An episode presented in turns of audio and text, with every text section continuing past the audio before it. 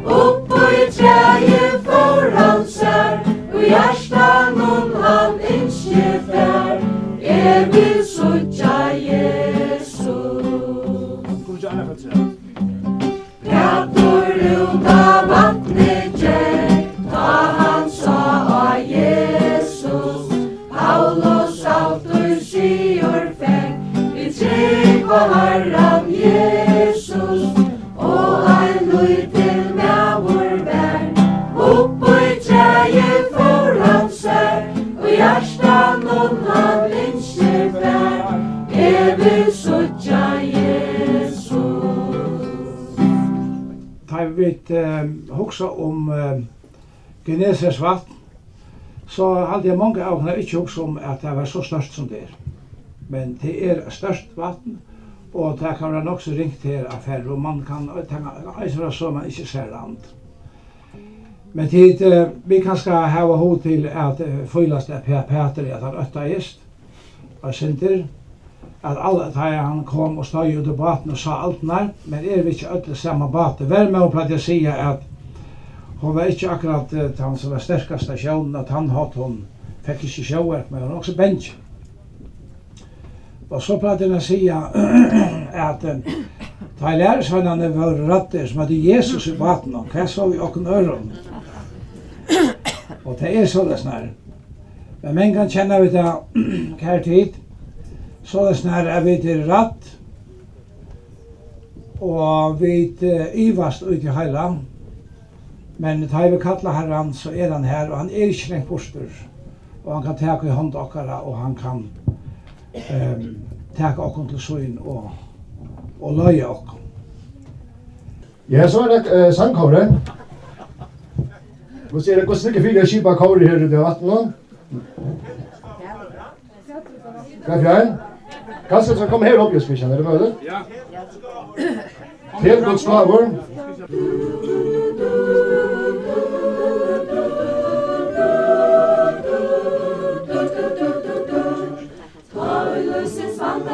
er bråta ha Rundan om te innan tøytar alt er nå Det da atlar herrans stavur smart og størst. Så tvi undra te som herren hevor tørst Det er svekk og stavur bægir svekk og størst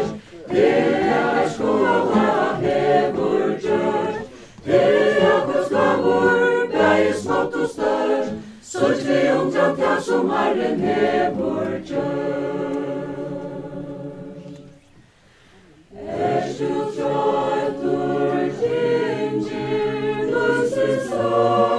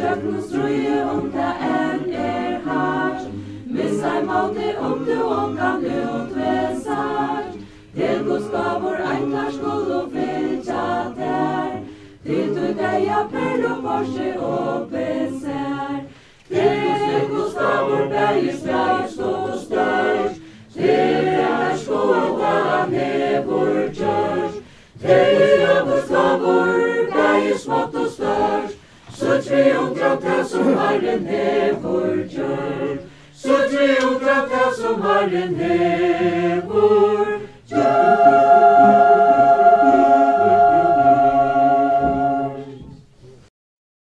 Nå er vi stater i Kapernaum. Etla hetta som eina finna vær Kapernaum. Hesen bøyren som Jesus boi i, i, i, i, i, i, i, i, i, kortur ut i synagogen i Nazaret, så får han åman her og bosettist og i Kapernaum. Og her var det Jesus virka i. Her sier og gjør det kraftargjerer, grøtte sjuk, og annars linna i sorg, folksens her, som vi leser om i skriften. Og vi kunne lesa et stikk om det her, og i Bibelen hver skriva stender, Og i Marskos evangelium kapitel 2, og her stendur skriva sålasnar, at ta inn og kvölde var komme, og saulen var undergjengen kom de til hansara, vi ödlun hinn sjuko, og taimon og vi var sett av ytlan antum. Og alle bøyeren var kommet saman fyrir doren. Han grøtte mong, i lio av imiske sjukun og ræk ut nekvar ytlar andar og han letar ikkje inn ytlar andarna sleppa tala tog tar kjent og han Det må ha vært underfullt å kunne være her. Ta Jesus vær her.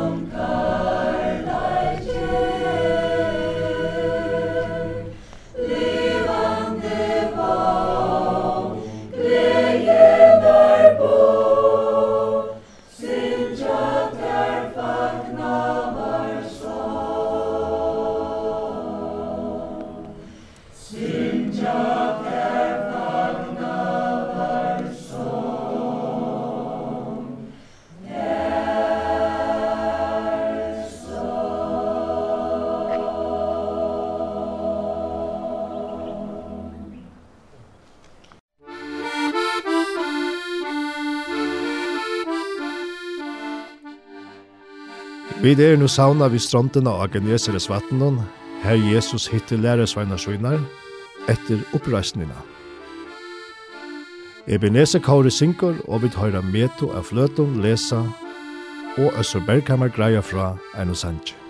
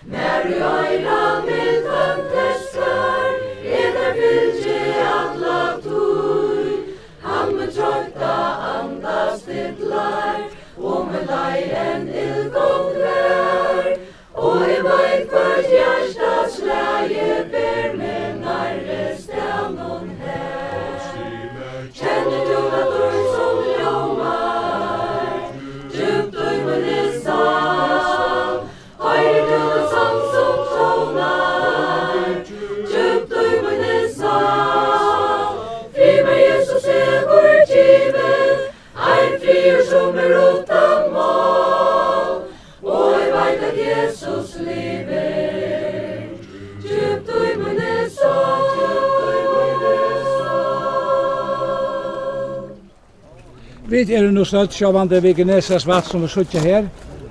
Og hetta vattnet er en vatt som vi liva og i Hoaheim i Okkara, fra Badnaaren og fra Sundagsskolan, der vi sunger sangen Peter ut av vattnet gikk, og ærar Sundagsskola sanger. Så hette her er et vatten som fram om andre vatten, så gav vi, så gav vi som vi er og vi imiske vatten i fyrjon, her som vi er født, eller rundt om, så er hetta vatni ein særligan hatt eit vatn som har sett seg og gjørst av okkara. Og nú er vi alle her, sauna i saman her ur fyrjon, og suttja hetta vatni vi okkara eign og eion her.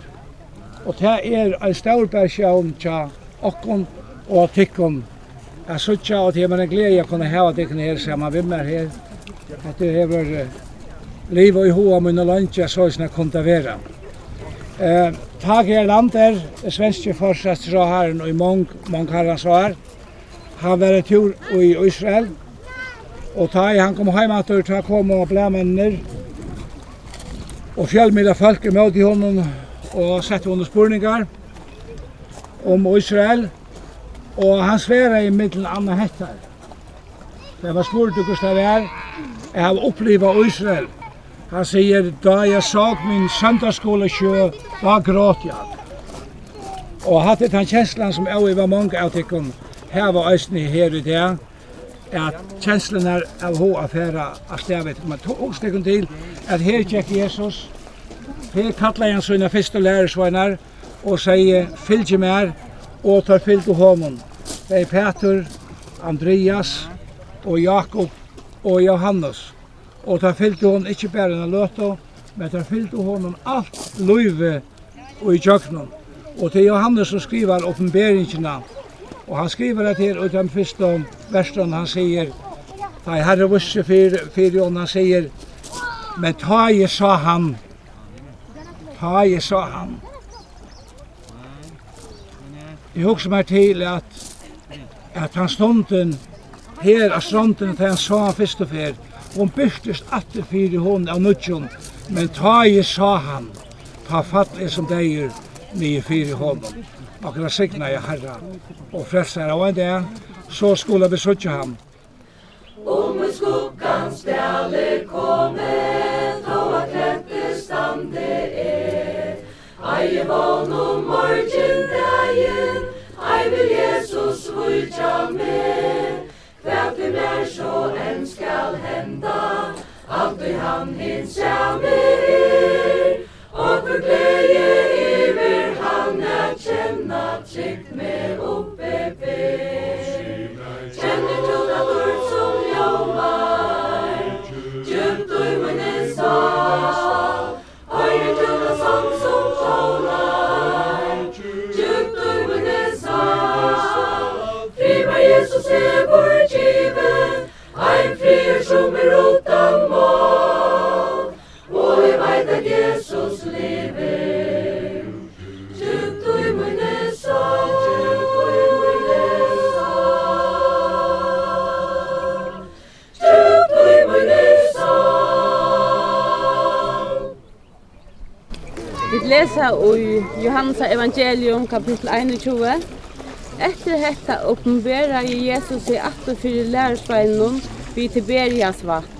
Han uppenbarade sig således som en pastor, Thomas, som kallades Tvojbore, Nathanael Ukana i Galilea, Siner Sebedeus, og tvær ærer av lærersveinen hans har vært sammen.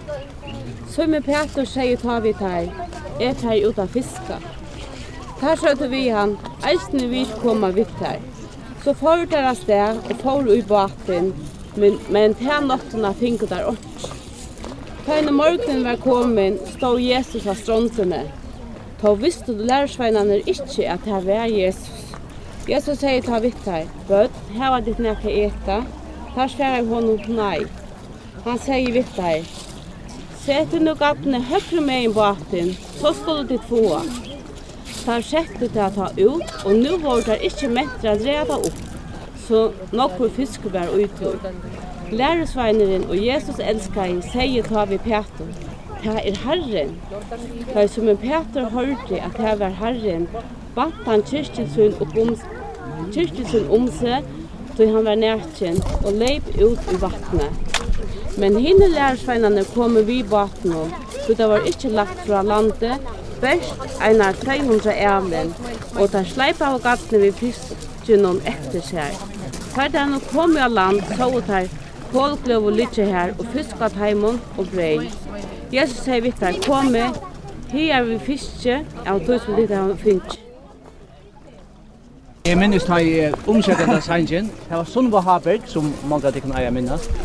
Hon, hon var så hodtisen av sin sangen, og hon vittne så gjerne at han var omsettet, så hon kunne synge han. Og, og av svenskun eitir han en fremling från Galilee. Og sunna sang han flere fyrir, og, men han er altså ikke så velkjent halvdig enn, men det er mest til at, at han som er istan, det er tydeligt, han er steg her, og vi er hotisjen, til han skriver så leis, i tanken så djupon i stå ein dag, vi geneset strand, ty her var sauna en fjöld om en fremmandan som ur Galilea var, så kan vi säga, var, var han, hans mæren, rent fysiskt här, um, det kunne kanskje Iva stå i sentrum, men aller helst er han veri er halvtid.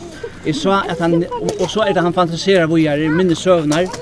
Jeg sa at han nevn vi en blinda mann som brotts suttjande frauertjekk i laune som einsamur vunden seg, nutja styrstje i fekk. Og så kom det personlig, ja, og jeg kjente meg gripnan av honom. Jeg tykker vi vidt blå eisene, tar vi vidt gangen her i dag. Og jeg kjen, kjente meg gripnan av honom, hans nøye, hans sikna jeg bra. He som fremmanda ur Galilea gav hjärsta mitt, helt just. Tongus og djubun er stå ein der, viken er es rundt du her, der sauna ein fjall om ein fremman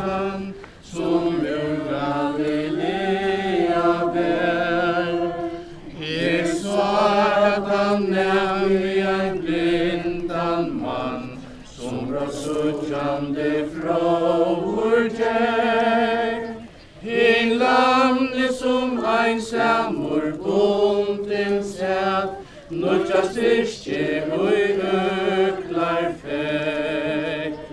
Og vi kjente med krypnan at honum, Hans nøye, hans signaja bra. Her som fremmanda ur Galilea, gav vi hjärsta mot halt, Peter tætt for heimatur ella tætt för kjem heimatur for her. Ehm ver tætt sindur ærsin att han henda turen. Ja, alltså nu nu har vi upplevt så omätliga mängder så här det är ena här och det verkar som vi där vi manar nu vi tar bara vi 4 5 dagar.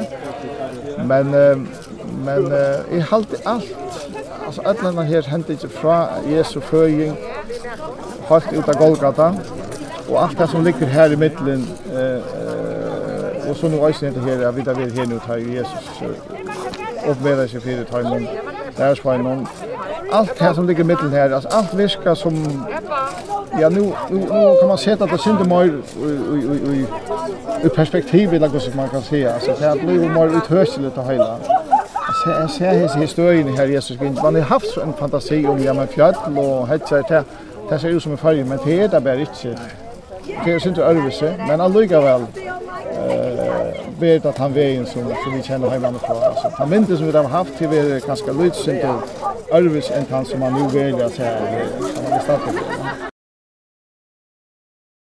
Kyrkjan er bygd av stenen her Jesus metta i 5000. Vi sutja ei kjenne, tarra fyrste kristne.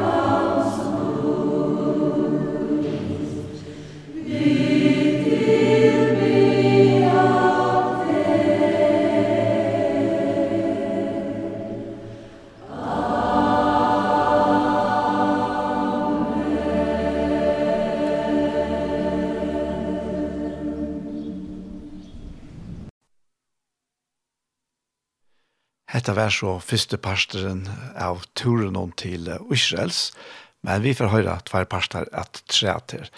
Hette er sendingen vi veien, og verster er Daniel Adol Jakobsen. Og i det så er vi da fer i Israel sammen med Svenninga Lofte og Kornon og Ebenezer. Og hette her er eh, brot som er tidsen opp i Apostkon i 2011. Ta hende ferien var gjørt.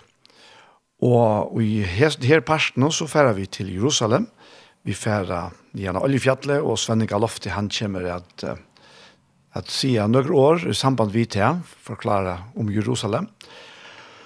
Og vi får eisne høyre marner Alofti inn i middelen, greia fra hver vid er støtt, og vi får så eisne til Getsemane, og her færa eisne høyre Øssur Berghammer, sier fra. Så kom vi færa en tur at til Israels. Vi er nu av oljefjallen og hitja vester i Jerusalem.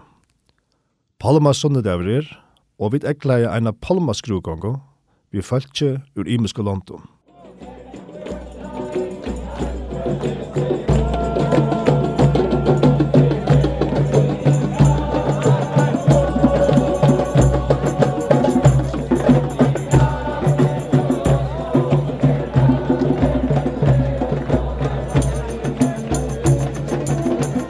Svenning for nu er greia fra om Jerusalem. Vi standa nu her i dag og suttja om man iver Jerusalem hentan altar gamla bojen høvesteg jødana, så lengt atter ut høyina som nekar stäver kan ha veri her folk heile 4000 år atter ut høyina. Abraham er attarfægir jødana. Han var kallavur ur Ure Kaldea, Estri og i eh, nu er han i Irak, här vi Anna Eufrat. Här kallar i Herren han og han säger, jag ska det till ett størst folk. Och jag ska visa til er hver du ska fære. Abraham visste ikke hver han skulle fære, men han fylte Herrens kalle, og han kom helt her til, og han tog et land i Ogn, og han bosettes her i hese land. Og Gud sier at her og jeg kommer til henne, gjev i dette land, Og han sette landamørkene fra Mielhavnen og Estet til Anne Eufrat og Norrøtter og Øsne Sorøtter. Da leser vi her om, og i første Mosebok, om Guds og God kallet i Abraham. Første før vi leser om Abraham er annars eh, 18 a, eh, særlig i samband med Jerusalem, og i samband med at det tar lott hver tidsin, eh, lott og Abraham fører fra hver nøren, skiltost, eh, Lot var bror sonur Abraham. Og han ble tidsin av noen ransmannen, han og alt hos hans og flott helt norretter i møte Damaskus. Men Abraham får etter tøymon, og han fenga i seg ransmennar og tok Lot fra ransmannen, og han førte der atter og på plass her i landen. Ta i han Abraham kommer atter etter av seferien hava fruja Lot og hans er hyrstjøy, ta var det at han gikk fram vi her, eh, bøynen her, og ta er det vi leser om i første Mosebok 13, at kongren i Salem fer ut i møte eh, Abraham vi breie og vi vunne. Og til rettelig avhåverst at um, leser til han. Det er først for jeg vil lese om Jerusalem, det vil si Salem. Det var kongren i Salem. Og hesen kongren var kallar han var eisne prestur, kallar fyrir Melkisedek. Så gjerne skal jeg nevne samband med Abraham, er at det som Abraham kanskje særlig kjente for, det er ta i han skulle offra sonen Isak. God ba han færa eh, norr etter, og han skulle færa strutja dagsferer til han kom til et fjall, her som han skulle offra Isak. Det er søvn å kjenne alle føringar vel og virilige. Han har lesa ut om og i fyrste Mosebok kapittel 22. Og her stendur skriva at så kom han til dette fjallet, og dette fjallet er et Moria fjallet. Og Moria fjallet er just det fjallet som er suttje 18-4 og nir, her som moskeina standa. Og her som tempel Israel stå østene. Og til rettelig ahoverst fyrir okkon öll som av ahova og i gos året. Det vil si at da Abraham offra i Isak, så var det her, just her, som vi nu kunne pøyka i bra. Men Isak ble ikke offra over, vi kjenner søvna om at vekkeren kom i stegen, og, og han offra i vekkeren i stegen for Isak. Men det som brattelig avvært øyne er til at da Salomon var byen om å bygge tempel, så bygde han tempelet eh, så bygde han tempelet her av Moriafjall. Og det er rettelig avhåverst at han bygde tempelet av Moriafjallet og tog til det stedet her som Abraham offret og Isak. Og så gjerne har alt tempel Israels til jeg var stedet av Moriafjallet. Det var tvei tempel, Salomons tempel, og som blei riven i grund og er lagt Da i Israelsmenn var flottet heimanifra og flottet til Babylons. Og så ble det annet tempel bygd opp som kallas for Sirobabel-tempel, som var nek minne, men det var eisne bygd her av tempelplassen her, som er suttje 18-4 pojtje av her, her som moskeina er, er nu i det. Læt meg eisne nevna i så sambandet om Jerusalem, at David var konkur fyrst i Hebron, langer sore, i tjei år. Og så kom han her til, og han vann en boi som kallas for Jebosittara boiren som er her nere, her, ikke helt oppja her, men her nere. Men han bygde så, og bygde så særlig Jerusalem vujar. Og David var konger her i 33 år. Han var konger i 40 år tilsammans. Og tog vi hetta kallar for boier Davids.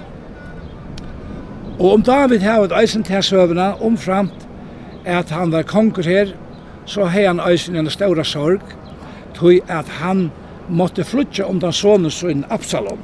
Det stender at han flytte skauleiser nian etter oljefjallen, og det har vi, det har, det har vi jo her, og han gikk eh, ur Jerusalem og nian av her og estre etter undan sonen sin Absalom, som ville teka reie fra hånden.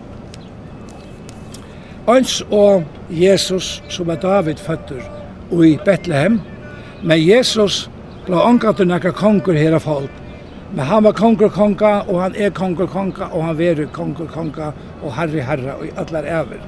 Men det som jeg skal nevna, det var det, at Jesus en dag, så gikk Jesus nesten som alene som David, i om Kedrons løk, og her nere under her, her sutja vi, nere middelen her, altså eh, här som eh, är och og Aljefjallet mitten här här är er Nikedronsløker. Och här var det att David för gängande ta han flytt under Absalom, Här var det Jesus för ta och han eh, fjør til sørste kvalget, Han var för lærersvennen sønnen och för Ivan Ketrons lök lök och in och i Getsemane. Och jag kom av till alltså tja, om man har løtet. Her strutte Jesus Kristus fyrir okkom, fyrir te og fyrir me.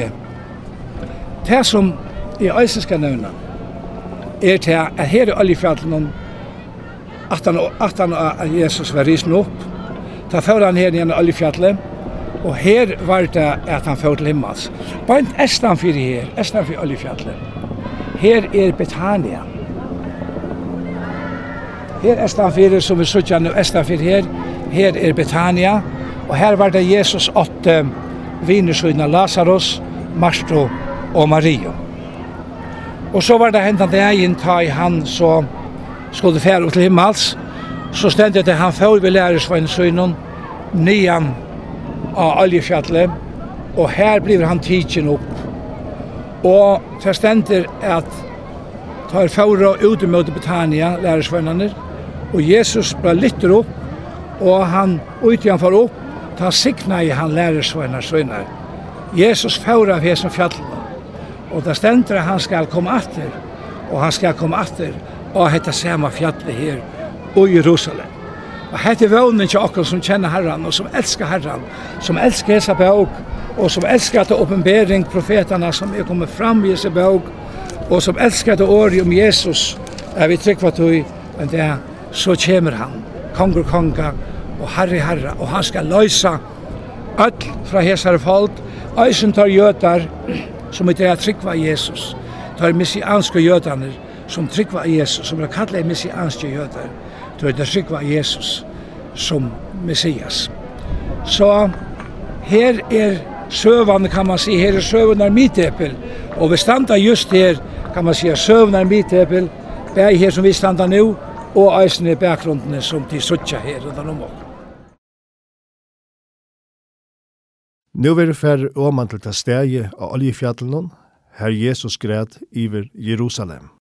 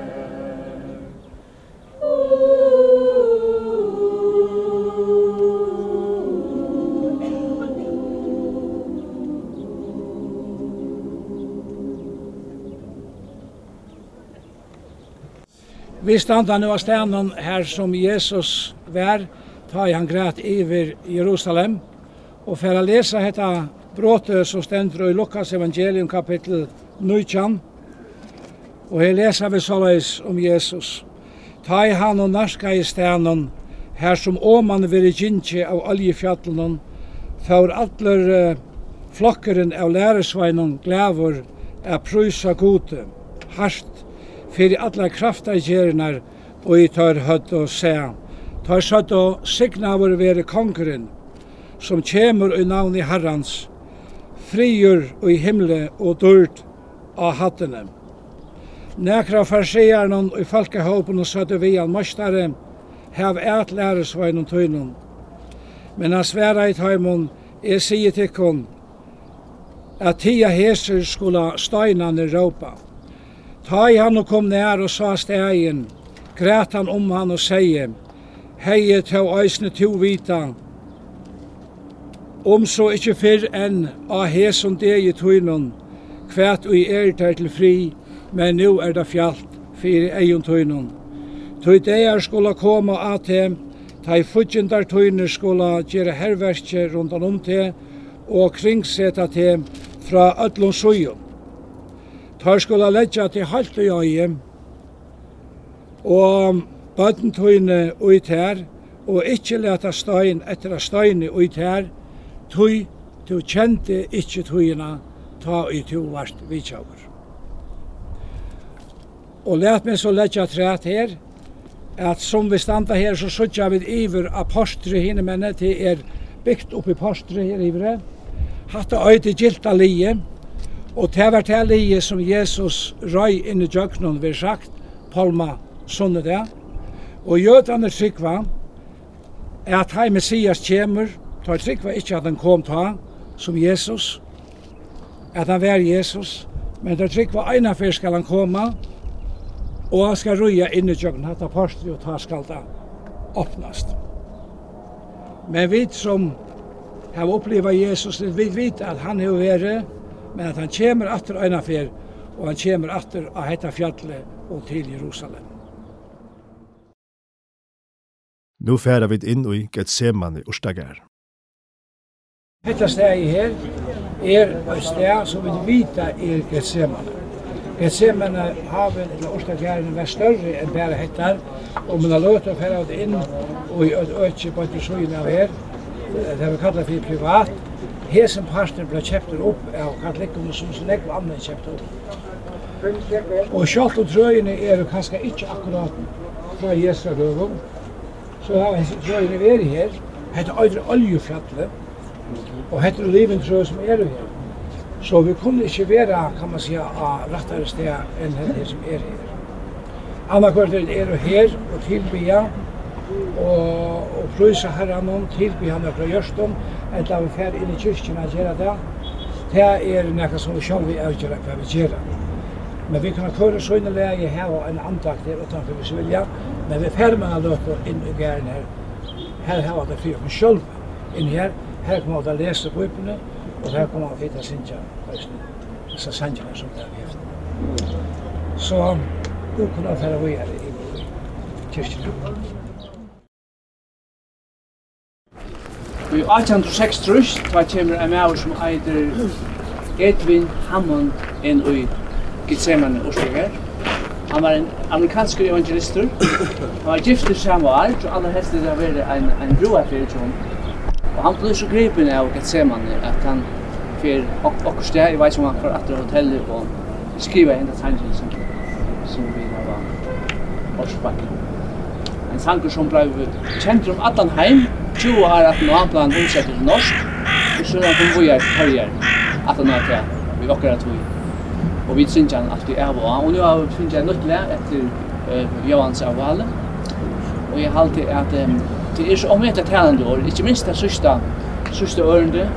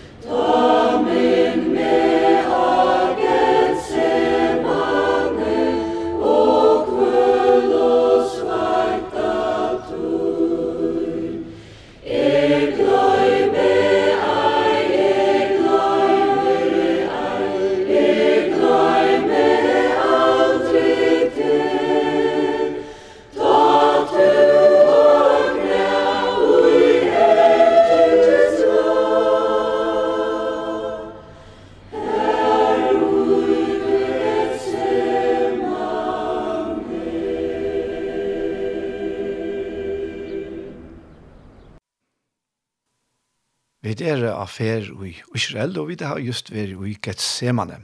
Hette er sendingen vi veien og Vestre Daniel Adol Jakobsen. Og vi har ein parst etter av hesar i Israels feriene. Hette her er Svenne Galofte sammen med Kåren og Ebenezer og i Israel av påsken i 2011.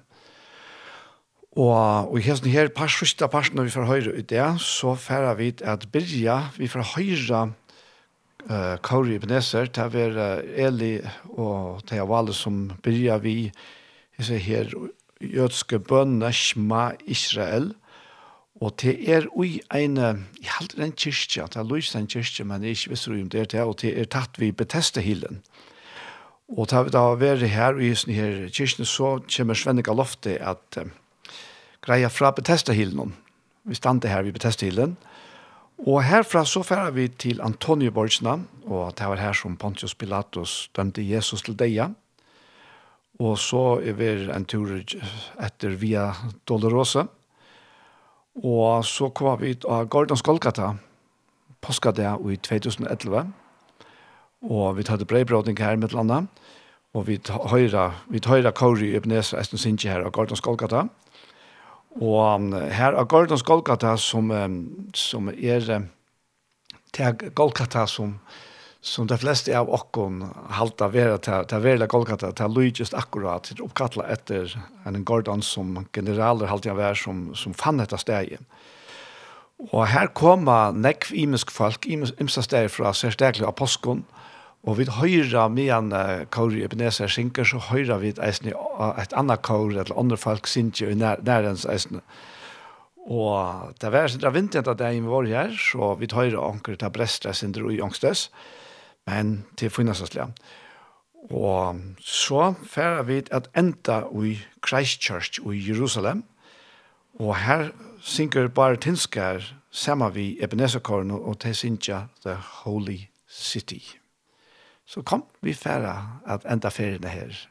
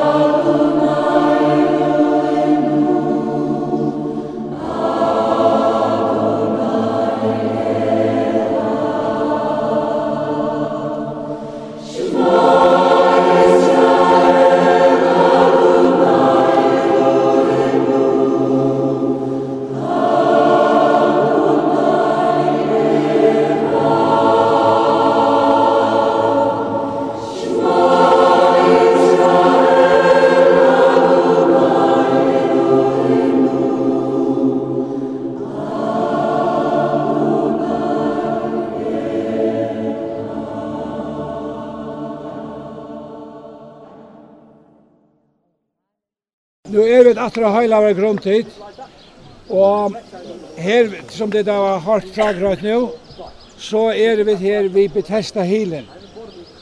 Og sjølv om det er brøtt nek fra tog togene, ta Jesus vær her, vi tar hardt hvordan bøyene vi er lagt der, og nå må det greve seg nere i jøkkenen for å finne eh, disse plassene, og vite om det var så det var her det som er områdende for å kunne vite middelen andre østen til det her, er at dette er Bethesda hele som er vært her.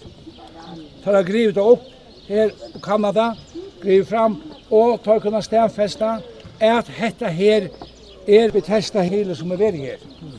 Og til av all større tøtninger tar vi er her hese løtene, og vi tar hørst om at det steg er fra akkurat første ungdommen, og nå er vi her, Og den ikke som stedet kjønskast og jokker hoa og minne, det er ta løtan, ta og Jesus kommer fram vi her, og her sitter det med over læmen, som hever læmen og i så mange år.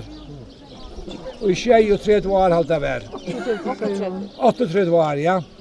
Og tanken gang han er sitter her, lunche og han er boje etter til løtta, at en angel skulle komme ned i vattnet, i hilen, Og så skulle han komme færre tog, men problemet ikke honom var bare til at det var alltid anker annar som var fyrir enn han, av som grunn, tog han var avfører, altså megna ikke til å kunne fære ned i hilen.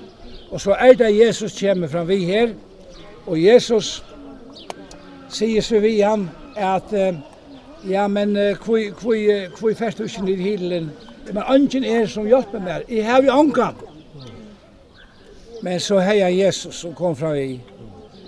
Og Jesus sier ikke vi neina hver han er i hilen. Men han sier røys det og rakk. Og så var han fruskur i sin avren. Og hatt er det utrolige som er vi til andalige bådskapen. Og hetta gjelder okkurna öll det her. At Jesus er og kommer aloi okkara. Og så kjenner vi til løy okkara, han er ved av løy okkara. Og han er tala til okkara og vi til røst opp antallega, og flere av okkurna eisne oppleva, oppleva til at han røst okkurna opp rent likamlega eisne ta i sjuka og andre ting var og galdandi løy vi okkara og vi søkte herran, så var han her, han hørte okkara bøn, og takk han og prøys herran fyr. Og jeg hadde skal synja at av verset nu, han er sam her det. Han er sem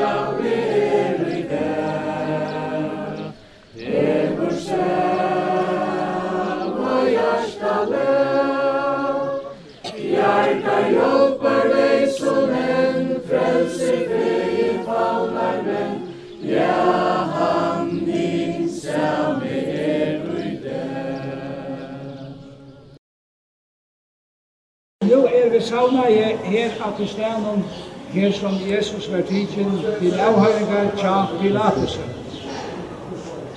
Og vi minnes at at det hendte ikke navn, og da lyst om en annen hvordan det er fått fram, at det som jeg skal lette venta her vel, det er at, um, at Pilatus kommer ut med Jesus i tørn og krone, og han var hovfrontur, og alt gjørs til vi han som du dømmer seg seg, og i henne filmen om lojinger som er Jesus. Og det som Pilatus så sier, og i en senaste døgn, Du hava samfart om at Jesus var avsikker. Han tar det bare ikke at, at lesa leysa, han gav det opp til fæltsi at avgjera hvert ui gjera skuld. Og så er det at han sier hette her, hitje nævet. Og hette Antonia Borgen, og hine venn Antonia, hine venn som vet det nu, her er en, en trappa oppa her, der vi pleier at standa, men det er her i det, og det lykker så godt. Og han sier, hitje med over. Og vi tog at Pilatus sier at her, hitje med Så det. er som han høyre av folk sier, ja, men altså, det er ikke sint i som andre. Øya ved øya tid ikke av slett noe veis. Da var det for oppe en herre, krossfest, krossfest. Og ta bort i hans fire tørre råkene, og gav Jesus opp til å være krossfestet. Særlig er at han har at jeg hadde sagt at jeg vil hende leisa, så er du ikke viner kajsar. Og det var det vinskapet ved kajsaren som gjør det at han svøyt sønne samføring, kom han seg i samført han om, her ønsker vi han til rappelse av mannen han gjør han, og jeg og nye nek, og jeg til hans eller skuld. Men kostene, så gjør han det, og han fjorde, og han vasker sine hender, og sier, jeg er det sækleiser i blåen, om, det er som mest han sier, jeg er hesen rattløs. Helt utrolig. Men, han tar være for skriftene skulle gå genge ut, og til byrjar Jesus er løyinga, ikke, ikke løyinga søvann, men løyinga gong, Så att vi låter sova gången ner till Golgata. Och till tandöveren som börjar her, nu, og vi får nu att genga tvåls här nian til det som katolikerna kallar för Golgata, till den grävkyrka som er där uppe.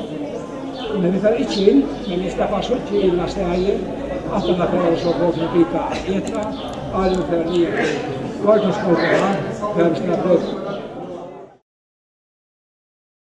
Ja, nu har vi inte etter Via är till Rosa. Jag börjar här Antoni vid Antonieborgarna. Her som Pilatus kom ut vid mannen og ved Jesu törna grunden. Og så har vi inte igen till det vi är till Rosa och av vi vi um, her som Symne Kyrene tog kross Jesus her. Han var nøytter av folkkinom at um, teka krossen og, og teka han på oss. Og så är han hög inte nian her og grävkyrkjan er tatt vi her, men vi får ikke inn i nufæðan folkene bita eta og så ja. Så det har vært at gynnsje nian i jøkken om trappen her, etter gamla venen vi har til rosa nian her i det.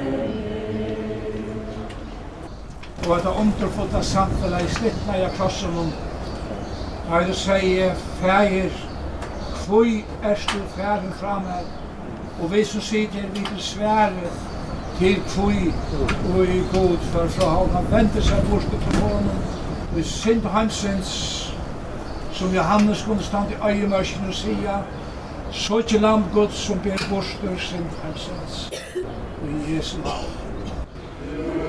Yes, yes, yes, yes, yes,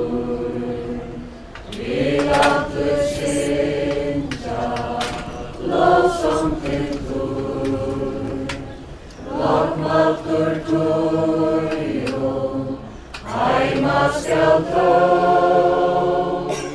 runga et